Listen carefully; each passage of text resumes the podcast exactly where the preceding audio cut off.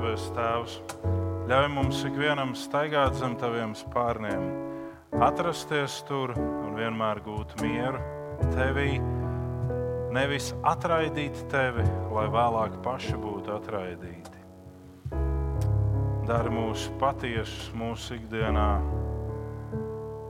un dari mums prieku par to, ka ar tevi mēs varam būt visur. Arī tur, kur mums nepatīk un kur labprāt mēs nebūtu, bet ar tevi. Āmen. Āmen. Sēdieties, lūdzu. Vēlāk, kad lasīsim uh, dievu vārdu, tad jūs varēsiet droši piecelties. Bet šajā brīdī sēdieties, un mēs runāsim šodien par tādu ļoti saudabīgu tēmu ar asarām un nemainīsies. Un pirms mēs runājam par šo, atcerieties pagājušo svētdienu, kad mēs runājam par mīlestību un par to, ko tas nozīmē dzīves ikdienā izpaust mīlestību. Un mīlēt arī tos cilvēkus, kurus mēs negribam mīlēt, un rūpēties par tiem, par kuriem mēs negribam rūpēties. Un aizvadītajā nedēļā kādā sarunā kāds cilvēks man teica, tu saproti, man ir tāda problēma. Es ļoti tuvu cilvēku pielāgošu sev, un pēc tam man ir grūti tieši padotos kā darbinieks. Es saku, neticēs, man ir tāda pati problēma. Es draudzes pārāk tuvu pielāgošu, un pēc tam sitos kotletēs, un nezinu, kur mieru rast, kad viņu dzīves neiet labi un svētīgi. Jeb kad viņi izvēlās to, ko es labprāt neizvēlētos. Un domājot par šodienu, es apstājos pie tā, ka mums ir jāpaskatās uz kādiem ātriem, es mēģināšu ļoti ātri, būtiskiem aspektiem mūsu dzīvē. Un jūs varat pierakstīt tās raksturvietas, tās mēs nelasīsim. 2005. gadā, 21. februārī, uz Sadovņikovu ielas es pārvietojos ar auto. Mans gars bija ļoti noskumis. Un eh, es teicu Dievam, ka es vairs neko negribu. Nevis tā, ka es gribētu pārtraukt dzīvi, bet mans gars bija noskumis, ka es negribēju vairs turpināt kalpošanu, negribēju darīt neko. Es gribēju atgriezties uzņēmējdarbībā, vienkārši mierīgi strādāt. Jo visa kā bija tik daudz, un tas zem vārda daudz ir nevis tas, ka man būtu bail no daudz, vai es būtu mīkšķaulis un negribētu strādāt. Bet no vienas puses tev ir jāuzticas Dievam ļoti, un no otras puses ir problēmas un tu sajūti visu laiku to, ka tu stāvi laivā. Vienā pusē tev ir cilvēki, kuriem tu kalpo, un otrā pusē ir tava uzticēšanās Dievam, un kāds visu laiku to laivu šūpina. Un tie nav viļņi. Un pārvietojoties ar auto, Dievs runāja konkrēti par šo raksturvietu manā sirdī. Un stāsts šajā raksturvietā ir par to, ka Jēzus pēc savas augšām celšanās jau atkārtoto reizi parādās mācekļiem. Un tas notiek tā, ka mācekļi ir jūrā. Šis stāsts iesākās ar to, ka Pēters saka, kungs ir tāds dīvains, viņš tad ir, tad nav. Es iešu zvejot. Kurš nāks ar mani? Un vēl brāļi piesakās no mācekļu vidus. Viņi saka, mēs ar tevi iesim zvejot. Un tur ir vairākas laivas, vismaz divas. Bet vispār tur ir vairāk laivas kā divas. Un apustulis Pēters zvejo visu nakti un neko nenoķer. Neviena no šīm laivām, kas tur ir, neko nenoķer. Bet rītam austot, viņi ierauga, ka krastā kāds stāv. Nu, tur kaut ko dara, darbojās, nezinu. Un tas, kas stāv krastā, sauc viņiem tur uz jūras esošajiem. Saka, kā jums ar zivīm? Vai jūs esat kaut ko noķēruši? Un Pēters, kā straujākais, saka, neko. Un tur ir tas šaubu moments, ir tas Jēzus vai nav tas Jēzus. Un viņš saka, nu, neko, kungs. Un tad tas, kas stāv krastā, saka, hei, izmetat tīklu laivai otrā pusē. Un jūs zināt, ka Palestīnā Jēzus laikā lieto asimetriskā ķīļa laivas, izskatās šķērsgriezumā šādi. Tīklu nekad pāri šim bortam nemet. Tīklu vienmēr met pāri šim zemākajam bortam, lai tajā brīdī, kad pilnu tīklu vilktu laivā, laiva sasvarās, bet viņa ir neapgāžama. Un Jēzus saka, metiet pāri šim bortam. Viņi to izdara, un tas ir mirklis, tīkls ir pilns ar zivīm. Un viņi nevar iecelt to tīklu iekšā laivā, jo tīklā ir 153 lielas zivis.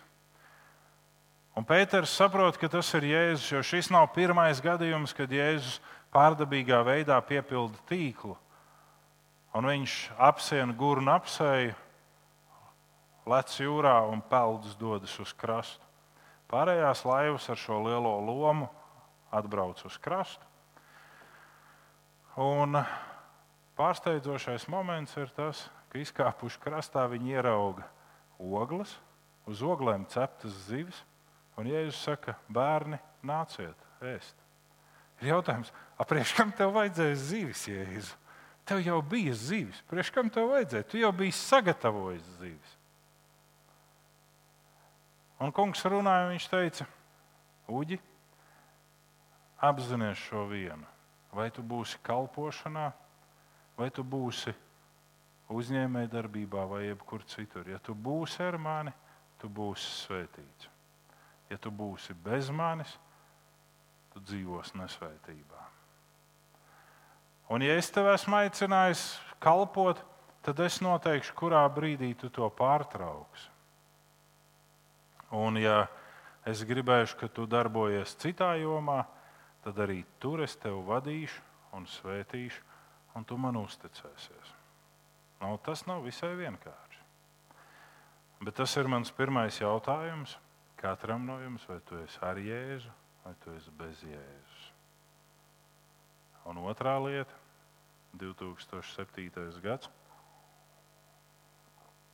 Manas dzīves zemākais posms.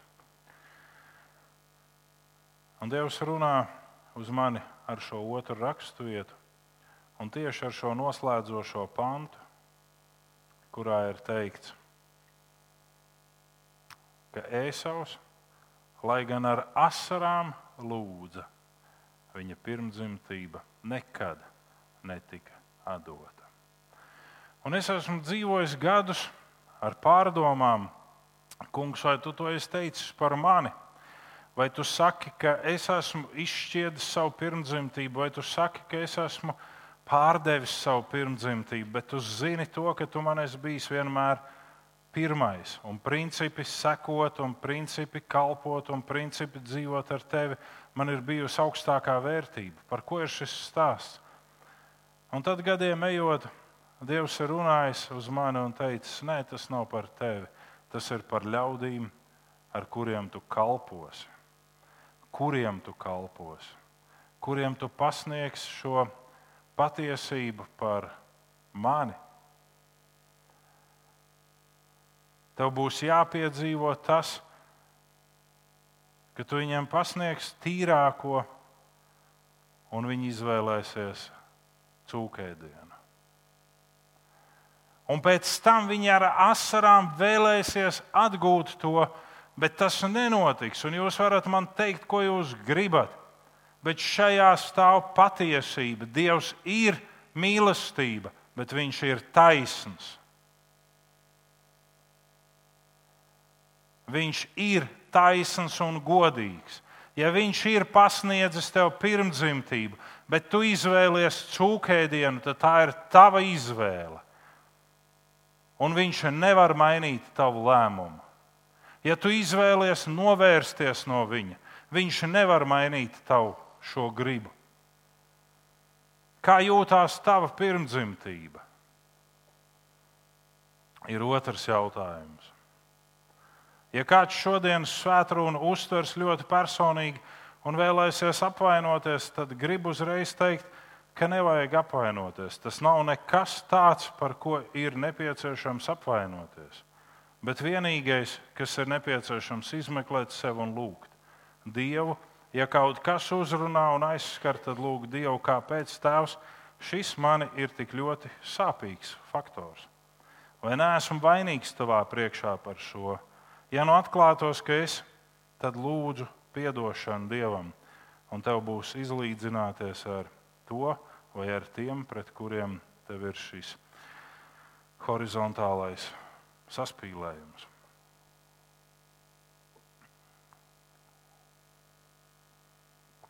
Mēs lasīsim pravieti iesaistītu sesto nodaļu, no 1 līdz 13 pantiem. Jūs varat piecelties. Ja ir grūtības, jūs varat palikt sēdus. Tajā gadā, kad nomira ķēniņš uz Jahu, es redzēju kungu sēžam augstā un dižā tronī, un viņa tērpa krokus piepildīja templi. Un virs tā stāv serafi, katram ir seši spārni, ar diviem tie aizsedz seju, ar diviem klāja kājas, un ar diviem tie lido. Un tie sauc Svēts, Svēts, Svēts, Pulku kungs. Visa zeme pilna viņa godības. Sliekšņi pamata trīcēja no saucēja balss, un nams pildījās dūmiem. Un es teicu, vai man pagalam es, jo man nešķīs slūpes, un mītu tautā, kam nešķīs slūpes, bet manas acis nu skatījuši ķēniņu pulku kungu. Tad man pielidoja viens sarafs, un ar rokā tam bija kvēlojošs ogli, ko tas ar knaiblēm bija paņēmis no altāra. Un viņš pieskārās manai mutei un teica: Redzi, tā pieskaras tavām lūpām, noņemta tavu vaina, apklāts tavs grēks. Un es dzirdēju kungu sakam, kuru lai es sūtu, kurš ies un runās par mums. Tad teica, es te sūtu mani. Un viņš teica, ej un saki tai tautai, dzirdēt jūs dzirdat, bet nesaprotat. Redzēt jūs redzat, bet nesajādzat. Tauka šai tautai sirds, ausis tiem biezas acis salipušas, ar acīm tie neredz, ar ausīm tie nedzird, ar sirdi tie nesaprot, neatgriežas un nedziedājies. Un es teicu, cik ilgi, kungs? Un viņš teica, līdz viss būs izdeldēts. Pilsētas, ne iemītnieki, mājas, ne cilvēki, un zeme izdeldēta kā postāža. Kungs cilvēkus padzīs, un zeme pagalam būs pamesta. Kaut desmitā daļa būs atlikusi, tā atkal tiks izvēlta kā terebinte, kā ozols līdz celmam nocirst. Tomēr svēta sēkla šis celms. Āmen. Kungs svētī savu vārdu un runā uz mums ikvienu. Āmen. Sēdieties, lūdzu. Iesajam atklājas Dieva godība ar mērķi, bet šīs godības klātbūtne Iesaja sajūtas ļoti neatbilstīgi. Un neatbilstoši saņemt šo godību un lietot. Kārdinājumi, kurus mēs ikdienā saņemam, ļoti bieži mūs tuvina tieši šim faktam, kļūt neatbilstošiem. Mēs Dievu neaizliedzam un turpinam teikt, ka Viņam mēs ticam, taču mū, mēs esam savā sajūtās neatbilstoši iepratīm Dieva būtībai un svētumam. Tā dieva daļa, kas ir mūsos, izjūt nepatiku, vainu un pat neērtumu. Teiksim, slēpties un norobežoties, bet tikai ne piekāpties dievam, nožēlot un dzīvot. Lūk, iesaistīja dzīvo tautas vidū, kuri ir bezdievīgi un noraidoši dievam. Iesaistīja neapsūdz tautu, bet gan piedzīvo šķīstīšanu un tad uzdevumu. Iesaistīja identificē ļauno, grēcīgo, bet ne apsūdz. Tas, ko mēs darām ļoti bieži, mēs apsūdzam un izceļam sevi. Pravietis Elīja ir piemērs mums katram. viņš apsūdz apkārtējos un paziņo Dievam, ka viņš viens ir tāds labs un pūkains. Un Dievs saka, nē, man vēl ir 7000 tādi kā tu. Dievs var darboties, ja tu neapsūdzi, bet redzi savu vainu un savu apkārtējo nepieciešamību pēc glābšanas. Tikai pēc tam godības spēks pavadībā šķīstīts un glābts Iesaja nemūk uz vientuļu salu, lai nepazaudētu savu svētumu, bet gan atgriežas tautas vidū, lai sludinātu glābšanu. Protams, ka pamatots jautājums, kā Iesaijas piedzīvotais iet kopā ar tām atklāsmēm, kuras Dievs deva man 2005. un 2007. gadā. Pie visa un par visu pa kārtai. Pirmais ir Jēzus. Vai tu esi ikdienā vai svētkos, darbā, kalpošanā vai atpūtā? Kur ir Jēzus? Jēzus Sīmanim atklāja, ja tu būsi ar mani, tu būsi svētīts. Bet tu vari pūlēties arī visu nakti un saņemt precīzi neko. Būt ar Jēzu nav tikai runāt par to, ka es esmu ar Jēzu, bet gan arī visā dzīvošanā un lēmumu pieņemšanā rīkoties atbilstoši viņa raksturam un rīcībai. Tas attiecās uz pilnīgi katru lēmumu, un nav lēmumi, kas skartu tikai mani un Jēzu. Jeb tikai mani, un Jēzus var doties pastaigā. Protams, ka mēs katrā no situācijām paliekam ar savu prātu, rīcības spēju, bet atcerēsimies arī to, ka Dieva svētais gars, Jēzus, mums neliks grēkot un neliks mums grimt kārībās. Jēkabs ļoti klasiski par to runā. Viņš saka, ja jūs tiekat kārdināti brāļi un māsas, nesakat, ka Dievs jūs kārdina. Ļaunām kārdināšanām Dievs nav pieejams. Mēs redzam šo pirmo iesaistītu piedzīvoto dievišķo godību, bet mēs redzam to pēdējo tauta, kas tiek iznīcināta. Kāpēc? Par to mēs runāsim pēc mirkļa. Bet kur šajā visā ir Jēzus? Un mēs redzam, ka brīdī, kad iesai tiek šķīstīts, pēc šī ļoti spēcīgā godības piedzīvojuma, viņš tiek sūtīts tautā. Viņš netiek sūtīts kambarī, viņš netiek sūtīts prom mājās, viņš netiek sūtīts uz vientuļu salu, viņš tiek sūtīts tur, kur ir ļaunums. Mēs zinām, iesai runāja, daudz runāja, bet iesai arī klusēja. Man vienmēr jūg tie divi. Un tāpēc es reizēm pierakstu, bet šoreiz es neesmu pierakstījis. Man jūg, vai Iesaja tika sazāģēts vai Jeremija. Bet viens no šiem praviešiem tika sazāģēts, un otrs tika piesiets zirga ratiem un vilkts cauri visai pilsētai pa zemi. Viens no šiem praviešiem, kas bija kā saucēja balss, trīs gadus un sešus mēnešus sēdēja mēslos un klusēja tautas vidū. Un otru mēģināja apklusināt, iemetot vecākā.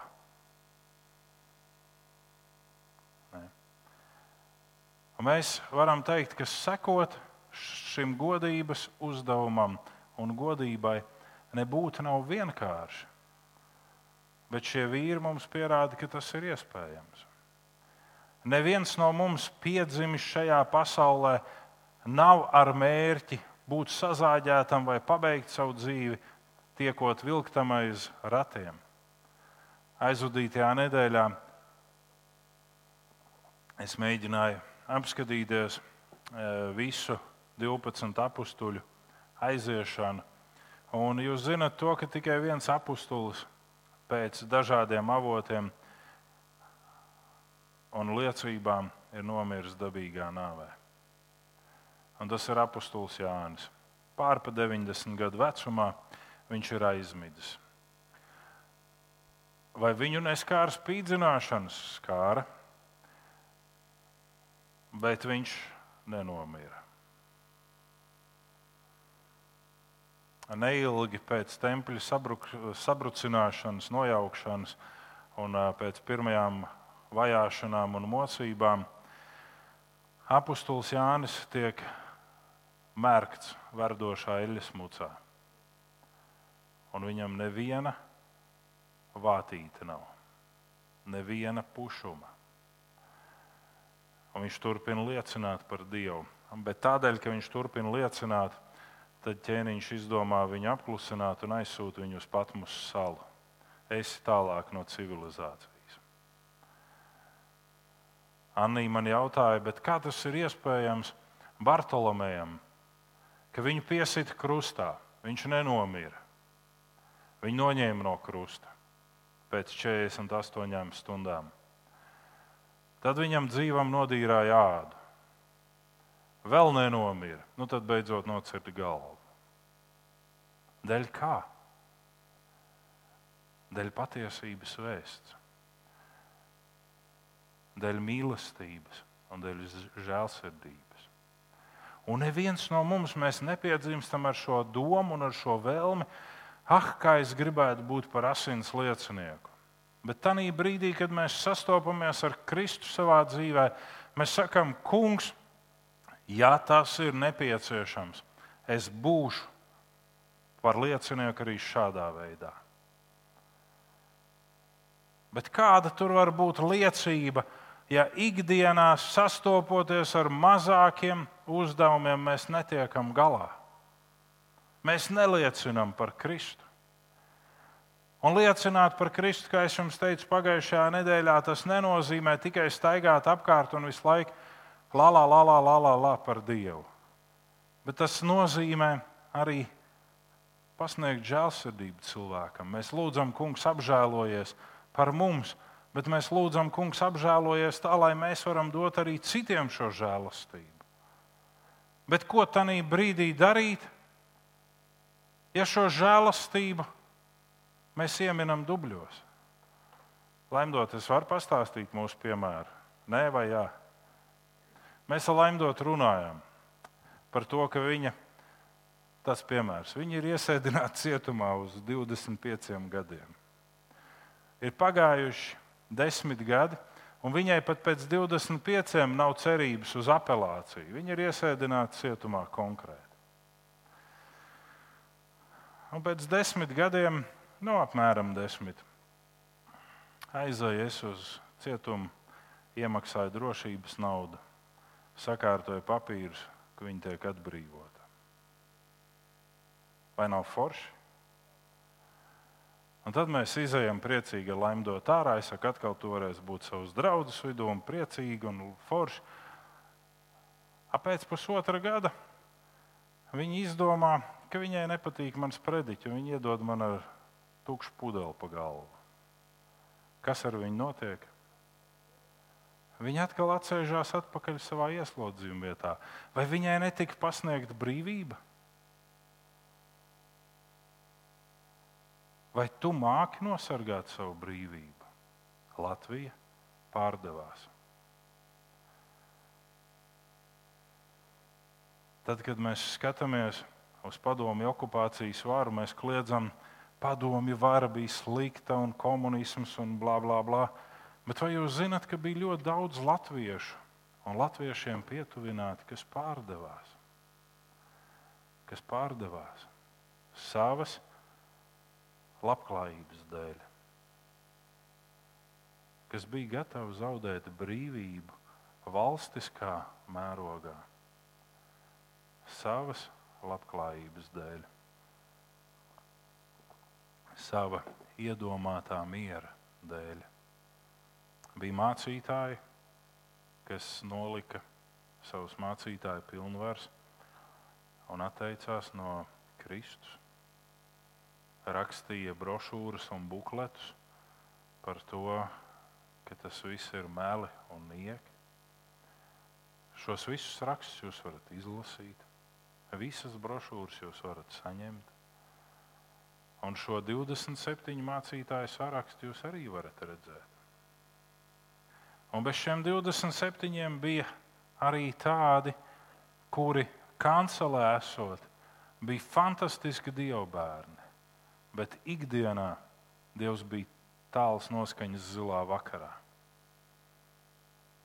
Kur ir Jēzus? Un vai Jēzus darītu to, ko dari tu, vai rīkotos tā, kā rīkojies tu? Vai šajā situācijā, kad laimdotē bija jāatceļas atpakaļ ieslodzījuma vietā, vai Jēzus bija vainīgs? Viņš staigāja ar maisiņu tukšām pudelēm apkārt un izdalīja visiem atbrīvotajiem. Viņš to darīja. Nē, tā bija viņas izvēle. Kuru nodot? To roku, kura tev baro. Piedod, ka tik skarbi tu tādu neesi. Bet, nu, vismaz no 20 eiro tu taču neteicies. Pirmdzimtība.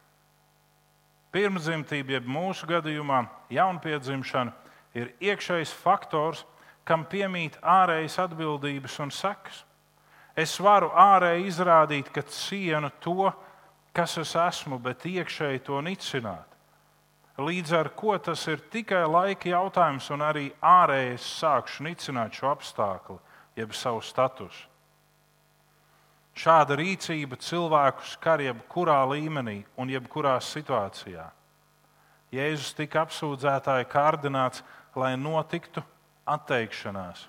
Iebu sieva kārdināja ļoti smagā situācijā un teica: Atsaki dievam un mirsti.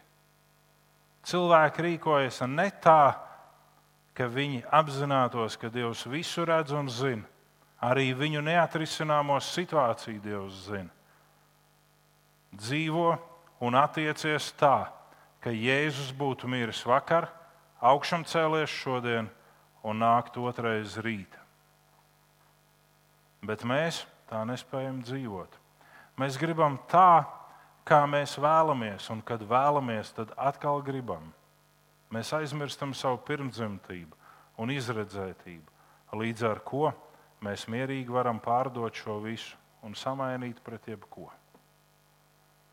Šo savu jaunpiedzimšanas statusu. Un mēs sakām, bet es jau no tā neatsakos. Tanī brīdī, kad tu pieņem lēmumus, kas izdabā tev, bet neizdabā principiem, tu atsakies no savas pirmdzimtības. Jo Ēsava gadījumā viņš bija aizgājis medībās. Pat ja viņš būtu medībās bijis dienu, divas nedēļu, bet tur nekur netiek runāts, ka viņš ir prom ilgu laiku. Tur ir runāts par to, ka tēvs atrodas savā mājvietā un pasaucis Ēsavu saka, sagatavo man virumu. Es gribu virumu. Un Ēsavs aiziet prom. Jo viņam ļoti garšoja medījumi, ko Ēsavs prata gatavot. Un viņš ir prom kādu laiku un nācis mājās, protams, ka viņš ir izbadējies. Bet tajā brīdī Jēkabs kapā cūkēdienu. Gliks saka, ka tas ir bijis lēts virums. Es nezinu, es nebiju klāt. Bet tas ir cūkēdiens. Un jūs zināt, ka cūkām ļoti bieži, vismaz mūsu platumgrādos, saliek visu, ko paši nevar vairs paveikt. Un tur ir tāda putriņa. Un Ēsaus saka, ka dod man no tās putras. Un Jēkabs saka, atdod man savu pirmdzimtību. Un tad Ēsavs saka, ko man līdz pirmdzimtībai, ja es mirstu badu? Visticamāk, viņam varēja būt arī cukura diabetes augstā formā, ka viņam vajadzēja reizes divās stundās ēst. Bet pieņemsim, ka arī nebija šī cukura diabēta. Viņš saka, es mirstu badu. Tu dažas stundas neesi dabūjis ēst, tu mirsti badu. Viņš saka, ņem manu pirmdzimtību. Tas ir pirmais nicinājuma status. Viņam nav vērtība šī pirmdzimtība.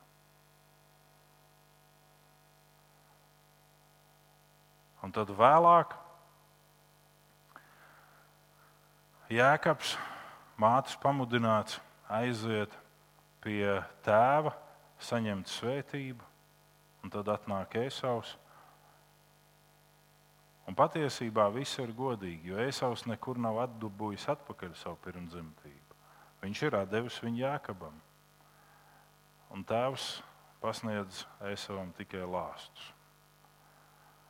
Un jūs varat izlasīt pirmajā mūzes grāmatā šo visu notikumu un viņa traģiku. Jo es katrā gadījumā negribētu tikai tādēļ, ka es esmu otrais dēls no tēva saņemt to, lai zeme ir pliekana tavā priekšā, lai lopi ir neauglīgi, lai viss aiziet postā. Un, protams, ka Esavā ir milzīgas dusmas par šo. Viņš sāk vajāt savu brāli. Un tā vajāšana ir daudzu gadu garumā. Ne? Bet kurš nicināja savu pirmdzimtību un kurš tiecās pēc tās? Vai Jēkabs nicināja? Nē, Jēkabs redzēja vērtību pirmdzimtībā. Jēkabs redzēja vērtību šajā. Un man kādreiz mamma ir uzdevusi jautājumu, kā tas ir iespējams, ka Jēkabs notrina kārklu rīkstīts, saliek silē, pie kuras nāk aitas dzert, un viss aitas raibs dzimst. Kā tas ir iespējams? Kā ir iespējams, ka viņš tur krāpa lābanu šādā veidā? Nu, Lābans arī bija labais, protams, vai ne par to mēs nerunāsim. Bet, bet kā tas ir iespējams? Ne? Dievs bija ar viņu. Un mēs varam teikt, vai tad šajā blēdībā nu, grūti nosaukt to par klaju blēdību. Viņš varēja varbūt arī likt, nezinu, upes akmeņus tur iekšā. Un būtu jautājums, kas upes akmeņiem tāds par spēku, ka raibs aicis dzimst. Vairāk par visu es domāju, ka tas bija Dieva darbs. Ne? Viņš varēja nelikt arī neko iekšā tajās silēs. Bet Dieva svētība bija ar viņu. Dieva svētība bija ar viņu. Un viņš vērtēja šo pirmdzimtības statusu. Viņš vērtēja, ko tas nozīmē būt mūsdienu valodā, sakot, draudzē, ko tas nozīmē būt dzīvā draudzē. Pagājušajā svētdienā pēc dievkalpojuma man uzdeva jautājumu, ko nozīmē dzīvu draugu. Es drīkstu par to teikt.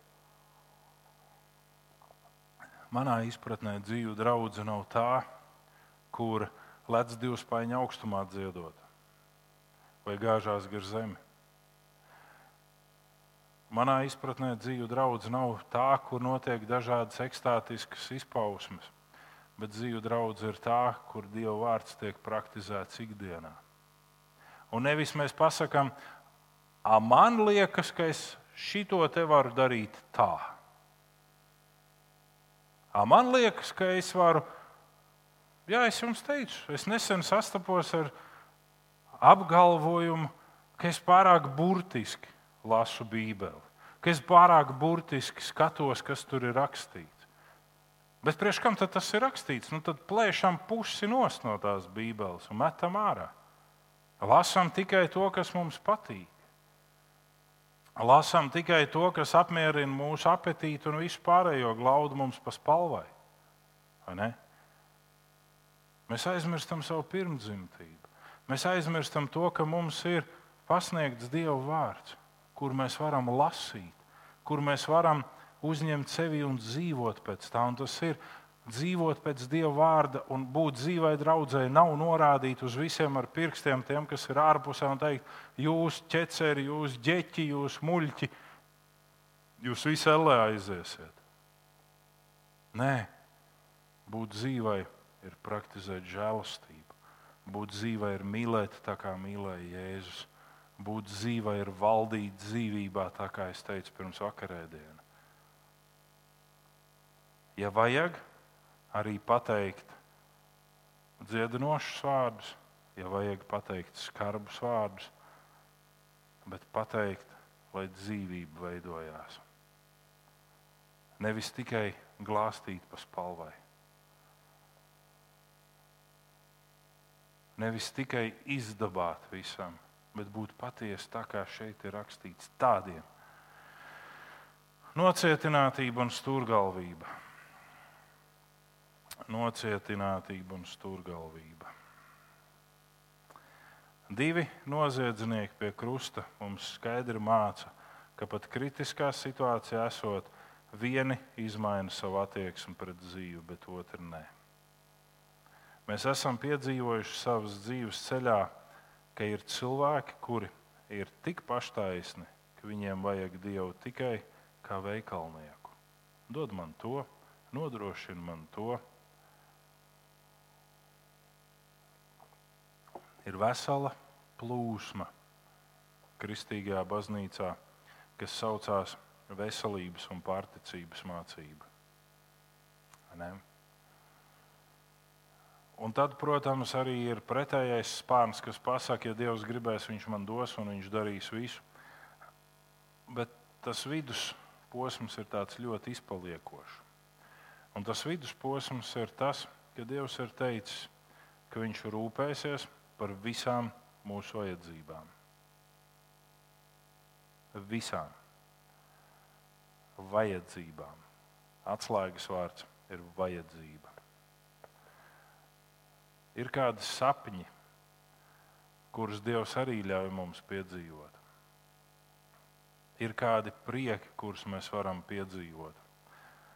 Ir kādi laimes mirkļi. Varbūt ne uzreiz, varbūt ne mirklī, kad mēs pēkšņi iegribamies un uzreiz lietas notiek.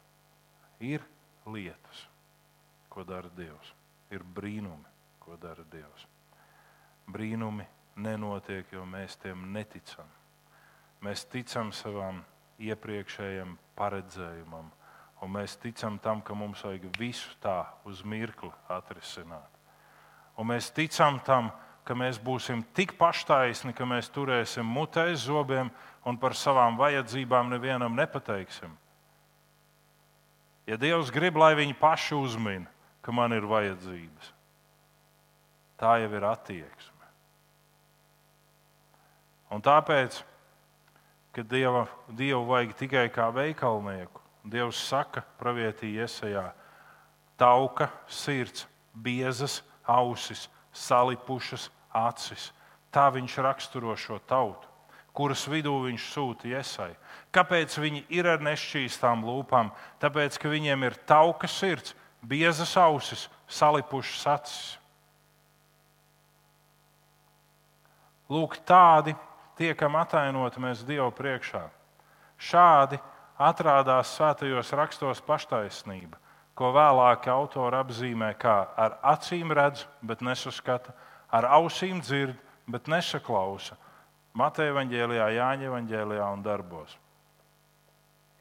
Tas ir brīdis, kad tev pasniedz glābšanu, bet tu izvēlies pilnīgi pretējo. Tad, kad runa notiek piemēram par desmito tiesu, tad mums ir pareizie viedokļi un principi, kur mēs maksāsim, kad mēs maksāsim, kāpēc mēs maksāsim, vai mēs maksāsim. Jūs teicat, tas ir tas, ko es tev nosaku. To viņš nosaka pirmajās mūzes grāmatās, precīzāk sakot, otrajā, trešajā, piektajā. Tas tiek noteikts Malahijas grāmatā. Un tad mēs sākam pieķerties šim apstākļam un sākam skaidrot, teikt, nu, varbūt Dievs vispār to nedomāja tik precīzi un tik burtiski, un, un varbūt tur vispār ir runa par kaut ko citu. Es jums pateikšu, par ko tur ir runa. Dievs runāja nevis par desmito tiesu, bet par divdesmito. Kāpēc? Tāpēc, ka desmitā tiesa ir tā, ko tu aiznes uz templi vai uz sinagogu. Bet desmitā tiesa ir tā, ar kuru tu ceļo līdz tam templim. Un nevis tu paņem no desmitās tiesas, kas tev ir jānes dievam, bet tu ar savu ģimeni ceļo uz templi trīs reizes gadā, no tālākiem, tuvākiem attālumiem no visa.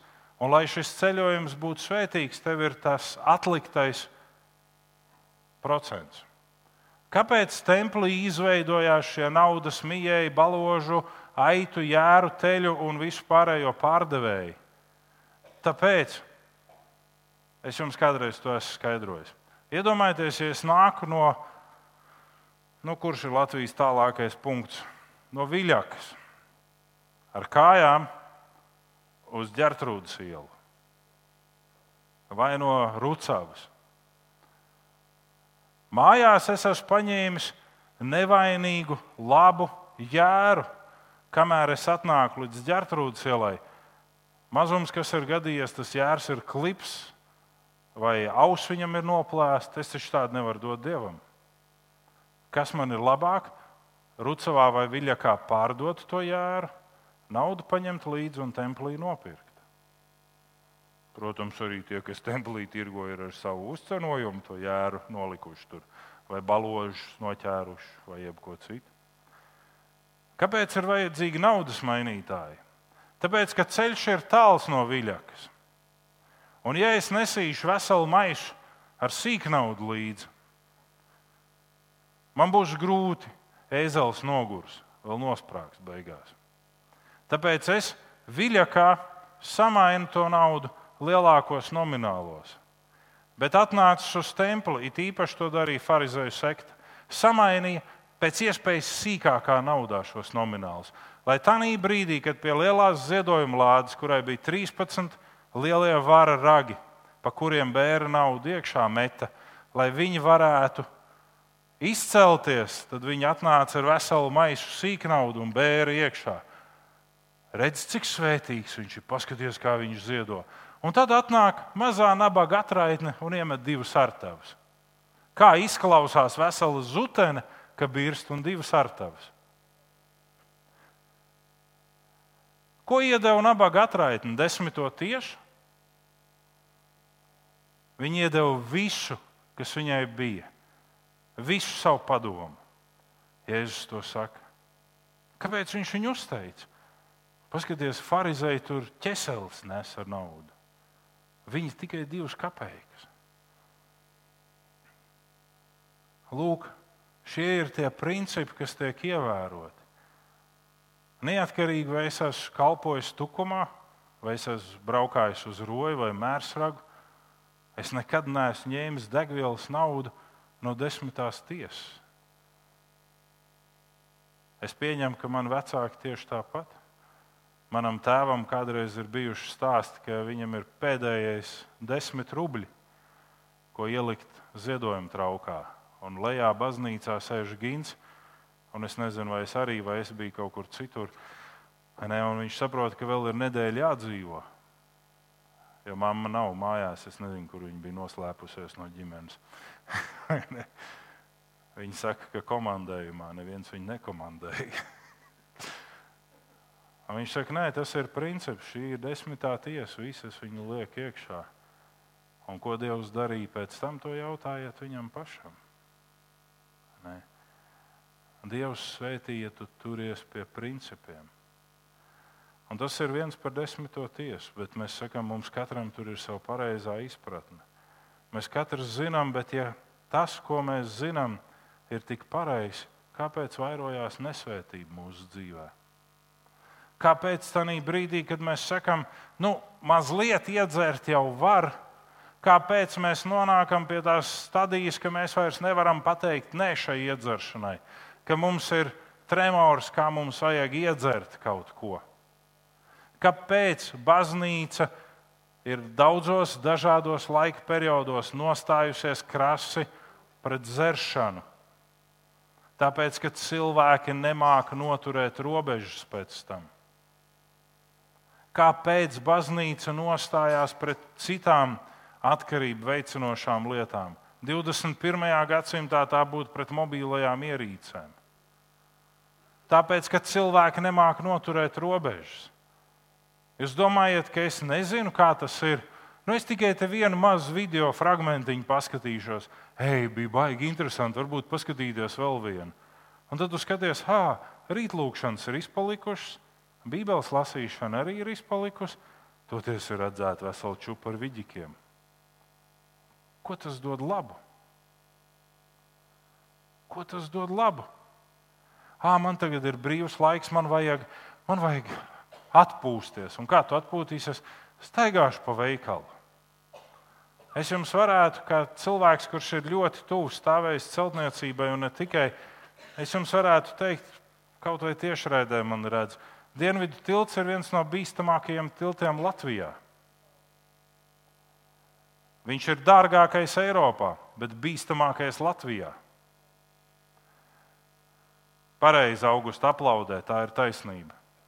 Tāpēc, ka tad, kad vajadzēja sastādīt tāmas šim tiltam uz materiāliem, tika pasūtītas dārgākās izaivielas un materiāli.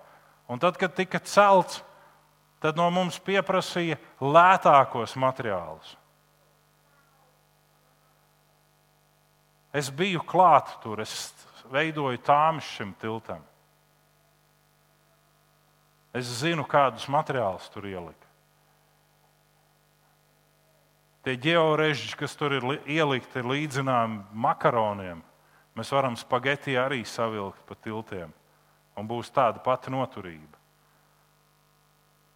Tad, kad mēs būvējam dažādas šīs jaunās mājas, modernās, ar eiro remontu, mēs aizmirstam to, ka tur ir ne tikai eiro remonts, bet tur ir visas pasaules alergēni iebāzti iekšā. Visi šie putošie materiāli, ar kuriem mēs sakām, man vajag sienas, lai viņas ir tādas ļoti gludas. Es saku, kāpēc tu negribi dabīgu? Labi, tas arī ir mazliet ķīmisks cements, bet dabīgi, dabīgāks, daudz dabīgāks. Kāpēc tu negribi koku? Kāpēc tev vajag to smukošu pahteli? Un pēc tam tu saki, man ir astma, es nevaru pelpot. Es nezinu, kāpēc es pieņemos svarā. Zini, kāpēc tu pieņemies svarā? Tāpēc, ka naktī guļot, tu nespēji izelpoties tā, kā vajag. Plaušas tev neventilējās. Līdz ar to tev nestrādā ķermenis tā, kā vajadzētu. Kāpēc vairojās šī nesvētība? Un mēs sakām, mana atpūta ir, es pastaigāšos pa veikaliem. Un ko tu tur darīsi? Tu kritīsi kārdinājumā. Jo tur ir viss kaut kas skaists. Vismaz kamēr tas atrodas veikalā. Un tu gribēsi to skaisto. Jūs zināt, ka uz instrumentu veikalu mani nevest. Uz mašīnu veikalu labāk aizvediet man uz autoservisu. Mēs braucam ar Anniju vienu dienu, un eh, es viņai saku, tas pagājušajā piekdienā. Es saku, redz, kāds skaists limuzīns. Viņa arī, jā, paskaties, balts un liels. Es saku, bet viņš ir samakļops. Viņš saka, kā tu to vari pateikt? Es saku, paskaties uz krāsojumu. Viņš nav rūpnieciski taisīts limuzīns. Tas ir kāds tur ir mēģinājis kaut ko pats uzbūvēt, lai tikai pelnītu naudu. Es tādā nekāpu iekšā. Ja viņš nav rūpnieciski certificēts, tas ir bīstami. Un tad mēs skatāmies, tāpat braucot, es saku, redz, kā veidojās riteņarkas. Es nezinu, no kāda plastelīna viņas ir lipināts kopā. Un vēl tur detaļas, un vēl. Okay. Paldies Dievam, Viņš man ir devis redzīgu skatu arī šādā ziņā. Un, ziniet, arī kādreiz es pats biju tajā laukuma pusē, kur man likās visus šos skaistos materiālus salikt uz sienām, un viss ir tik gludi un tik skaisti. Tikai pēc tam es nesaprotu, ko man visādas eksāmenes metās un visādi citi dīvaini pasākumi. Ne? Kāpēc vairojas nesvētība, ja mēs visu darām tik ļoti pareizi un svētīgi? Tad, kad runa ir par subordināciju, kalpošanu, paklausību, Dieva pavēļu izpildi, visur mums ir savi viedokļi un principi. Un savā laikā, sen atpakaļ, tukuma laikā, tas bija pie manis pienāk kāds cilvēks un saka, jā, tu saki tā, bet zini, Čārlis Stenlijs saka tā. Saku, forši. Man ir tev piedāvājums, pievienojies vispasaules madracīšu draugiem, skaties Stenlīds caur televīziju un visu. Neviens tev neliek būt šajā draudzē. Un es nesaku, ka es saku vienīgo patiesību, bet šajā draudzē ir tādi principi, pie kuriem draudzene, padome, visi nolēmuši un turās. Un ja es kā mācītājs vai jebkurš cits pārkāpšu šos principus, teiksim, piemēram, desmitās tiesas izlietojumus, ja es pirkšu sev apēnus par tām naudām, es pats atbildēšu Dievu priekšā, un atbildība būs nevisai patīkama. Bet, ja tu izvēlies sekot kaut kam citam, tu atbildēsi. Pats atbildēsi. Un tad neprasi atklātajās lūkšanās, lai kāds par tevi aizlūdz, ja tu izvēlēsies nesvētību. Un visur mums ir savi pravieši un savi priekšstāvi, kurus zināmos brīžos mēs pieņemam labāk nekā Dieva vārdu. Es nerunāju pat par sevi, bet kā Dieva vārdu. Mēs sakām, es negribu tam sekot. Nē, tas ir pārāk smagi. Jāņem evanģēlijas sestā nodaļa. Ļaudis teica, Jēzum, tie vārdi ir pārāk smagi. Kas tajos var klausīties? Ne? Ļoti vienkārši. Pārāk smagi, pārāk principiāli. A, mums vajag tā, tā vienkāršāk. Mums vajag tā. Ne? Man nav pretenzijas pret Stenliju. Viņš ir fantastisks cilvēks. Bet, ja tu piemini Stenliju kā paraugu, tad dzīvo kā Stenlijs un tic kā Stenlijs. Ne? Un tad tu būsi pietiekami labs. Bet, ja tu tikai paņem vienu kaut kādu viņa izteiktu principu, tā ir tāda ķecerība. Un tu paņem šo principu, lai nostātos pretīm kādiem citiem patiesības mirkļiem, kas ir ar tevi, jeb ap tevi. Ik reiz, kad tu dari grēku vai pārkāp dievu likumu, cilvēkam solīto, tu nocietini savu sirdi, līdz ar ko tu neļauj dievam vairs sevi uzrunāt. Un tu mirsi, bet tā pa nopietno. Tu fiziski funkcionēsi, bet garīgi tevis nav. Ne? Un mēs sakām, tas nav iespējams. Es nemirstu, redz, es kustos. Tas ir pašapmāns. Ir cilvēki, kas nomirst 25 gadu vecumā, viņas apglabā 75 gadu vecumā. Tas ir pašapmāns. Un es ar tādiem pašapmāniem sastopos ikdienā, kur cilvēki saka, ar mani viss ir kārtībā.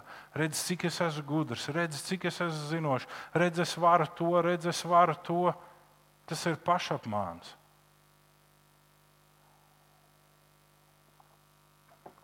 bija cilvēki, kuri izriestu krūti gāja prom no draudzes, no šīs draudzes.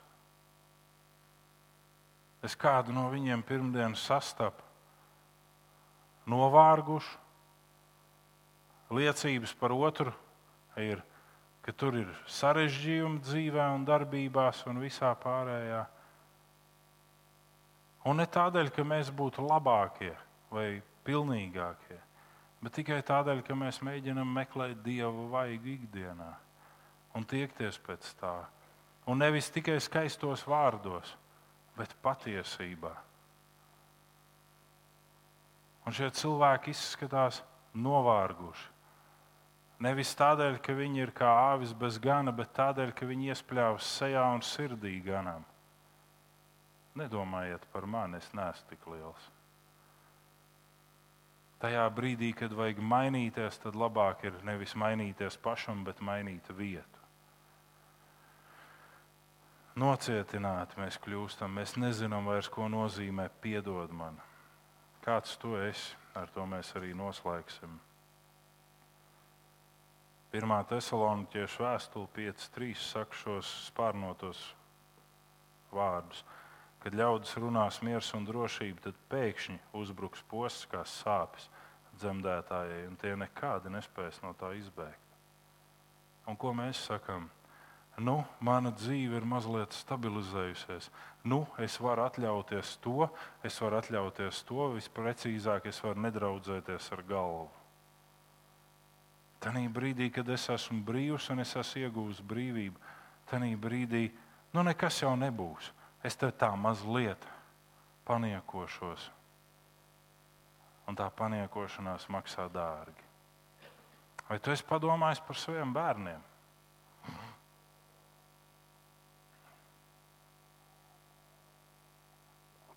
Tanī brīdī, kad tu labprātīgi paraksti līgumu kredītiestādē, vai tu esi padomājis par saviem bērniem? ka tu nespēsi nodrošināt viņiem normālu dzīvi dēļ šīm demoniskajām procentu saistībām. Un mēs sakām, tas jau tur nav tik daudz. Ziniet, tas nav daudz pirmajā brīdī, bet tad, kad tas kāpj augumā, tad izrādās, ka tas ir ļoti daudz. Es tur esmu bijis, un es zinu, kā tas ir. Un, ja es ar jums runāju, es runāju no pieredzes, nevis no utopijas, kaut kādas izdomas. Un nedomājiet tā, kā domāja lielākais vairums no Padomju Savienības ļaudīm. Kad es pirmo reizi biju Zviedrijā, Zviedri man stāstīja to kā tādu smiekliņu, ka Padomju Savienības ļaudis uzskata, ka Zviedriem ir laba dzīve. Pieeja pie cauruma sienā, paņem naudu un dzīvo mierīgi. Bet, lai no tā cauruma sienā paņemtu naudu, tur tā nauda ir jāieliek. Ne? Un to naudu ieliek ar sūru grūtu darbu. Un tas pats skar mūs katru. Sūrs un grūts darbs. Un tā ir mana ikdiena. Un, ja man ir kāda nedēļa mazliet vieglāka, es pateicos Dievam. Un arī tur es mācos, kā nevajag darīt. Jo tad gribās varbūt drusku vairāk atļaut sev kaut ko, atpūtu vai vēl kaut ko, tad tu skaties, ah, tādi darbi ir iekavēti universitātē, tas ir nepadarīts. Un tu redzi visas tās astītes, līdzīgi tā kā Agija raksta uz lapiņām, tā es tās redzu. Un saprotu, ok, priekšā stāv kāda negulēta naktis, vēl kaut kas. Bet, ja jau ir negulēta naktis, tad jau tas darbs netiek izdarīts tā, kā būtu forši izdarīt. Tad viņš tiek vienkārši izdarīts, lai tikai būtu ķeks. Ne? Bet ar ķeksu jau Dievu nepagodinās. Ne? Un tad, kad tu saki, nu ir miers un drošība veselības jomā, nu viss ir kārtībā, tad pēkšņi uzbrūk. Tad, kad tu saki, finansēs, nu ir manis nodrošināts miers un drošība, tad pēkšņi uzbrūk. Tad, kad ķēniņš Salamans teica, nu man ir tūkstots sievas, vēl pagājušajā nedēļā man māmuļi uzdeva jautājumu, kā viņš tik galā ar viņām visām. Ah, paldies Dievam, es neesmu Salamans. Bet 700 bija oficiālās, 300 blakus sievas. Un viņš saka, nu ir miers un drošība. Un pēkšņi nāk vārds no Dieva. Solījumu dēļ, ko es devu tavam tēvam, būs miers, bet tavi bērni tiks malti dzirnavās. Un Salmans saka, Man patīk tā kunga vārds. Galvenais, ka miers ir manā laikā. Es nezinu, vai tas nāk ar vecumu vai kā, bet cilvēka dzīvē ir viens brīdis, kad viņš sāk domāt par pēctecību. Arī es. Un es negribu saviem bērniem tos klupienus, kuros es esmu kritis, vai tās dubļu peļķes novēlēt. Un es negribu saviem bērniem cīņas un mokas. Es gribu, lai viņiem ir daudz labāk, kā bija man. Un tāpēc es mēģinu ar katru no viņiem runāt par šīm ticības pamatlietām.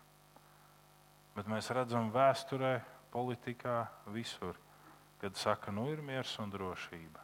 Tad sākas posts. Un Lūkas evanģēlijā mēs lasām, esiet līdzīgi cilvēkiem, kas gaida savu kungu no kāzām pārnākam lai tūdaļ tam varētu atvērt durvis, kad tas nāks un klauvēs. Un lūk, mēs atnākam atpakaļ pie iesaistas.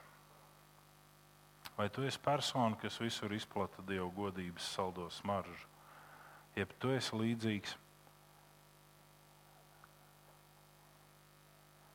personai, kas savāra pilnu katlu ar neticības muļķībām un bezdievībām, bet sevi sauc par ticīgo. Pagājušajā nedēļā man bija kāds piedzīvojums, ko redzēja arī kāds cilvēks, kurš pēc tam man jautāja, kā tas ir iespējams. Es gāju cauri stācijas laukumam, pāri uz tunelīti. Un pirms tunelīša stāvēja viens puisis ar grāmatiņām. Viņš saka, Svēto tēvu, grāmatiņu gribat? Nu, es tā kā paņemu to grāmatiņu, es saku, par ko tā ir. Nu, es esmu no Hara Krišnas apziņas kustības. Es saku, nē, paldies, tad man tā grāmatiņa nevisai interesē. Un tas cilvēks man saka, viņš tev pazīst. Kā viņš tev varēja uzrunāt tā? Nu, kā viņš zina, ka tu esi mācītājs? Tas tev ir uz pieres rakstīts. Man nebija ne kolāra krakla, nekā. Es vienkārši džins jaciņā gāju tādā žaketiņā. Tas nav tikai par mani, tas ir par mums katru. Ne? Mēs esam ceļā, un tas priecē, bet izmantosim šo laiku, lai virzītos uz dievbijības mērķi un ne uz attālināšanos no Dieva un viņa godības. Cilvēki jautā, kā būs ar otro iespēju? Otrā iespēja tiek dota tiem, kuriem ir nožēla par viņu maldīšanos, bet ne tiem, kas lepni apstājās un saka, ka viņus nekas no šī visa neskar. Jo Dievs taču ir žēlastība. Tā ir apzināta ļaunprātība pret Dievu doto mīlestības pilno žēlastību. Apzināta ļaunprātība pret to, ko Dievs ir pasniedzis kā brīvība, kā svētība, kā svētības formulējums, kā tu vari iegūt svētību. Tā ir ļaunprātība.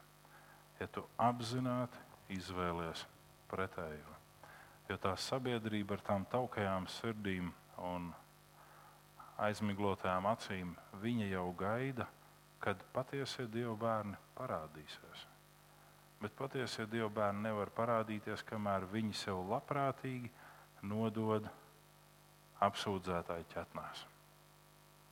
Caur saviem spriedumiem, caur savu izvēli. Pētera pirmā vēstule saka, ka apsūdzētājs staigā apkārt kā lauru ugdams. O, un jūs varat iedomāties, kādas trokšņus viņš taisa. Un ziniet, kāpēc? Tikai tāpēc, lai mēs nesasniegtu mūžību. Un lai godība, ko Dievs grib dot mums šeit un tur, mēs to nepiedzīvotu nekad un nekā. Tas ir ļoti vienkārši. Bet šīs godības priekšā, vai mēs esam kādreiz padomājuši par to, kāda būs šī godība? Ko nozīmē tas brīdis, kad mēs sastapsim Jēzu, kad mēs viņu ieraudzīsim. Vai viņš patiešām būs tāds viduslaiku francūzis ar gaišu blondiem matiem un zilām acīm, ja viņš būs varbūt ķīnietis? Kāda ir tā godība, ko serafi apsedz ar spārniem, redzot un sauc svēts, svēts, svēts? Kāda ir tā godība? Tie, kas ir no mūsu vidus aizmiguši, tie zina, tie redz. Un daži no viņiem pārdzīvo kā bagātais vīrs, kāpēc es nesakoju tam.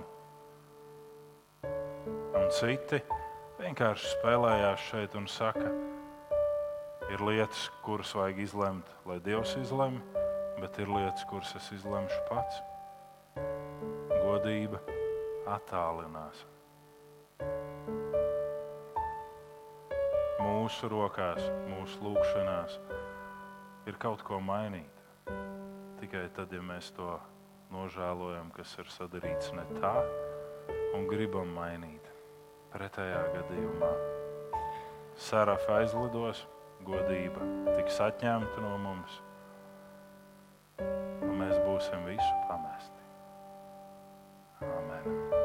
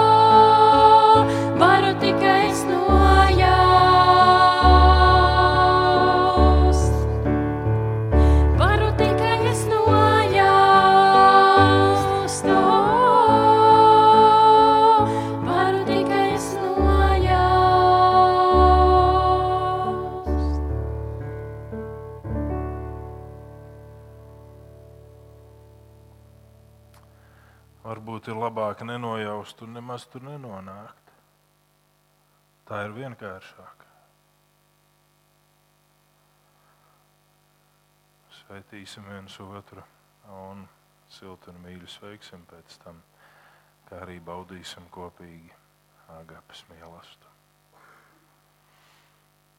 Lai kungs tevi svētī un tevi pasargā, lai kungs apgaismo savu aigu pār tevi un ir tev žēlīgs, lai kungs uzlūko tevi ar lapatiku un lai dod tev savu mieru. Āmen!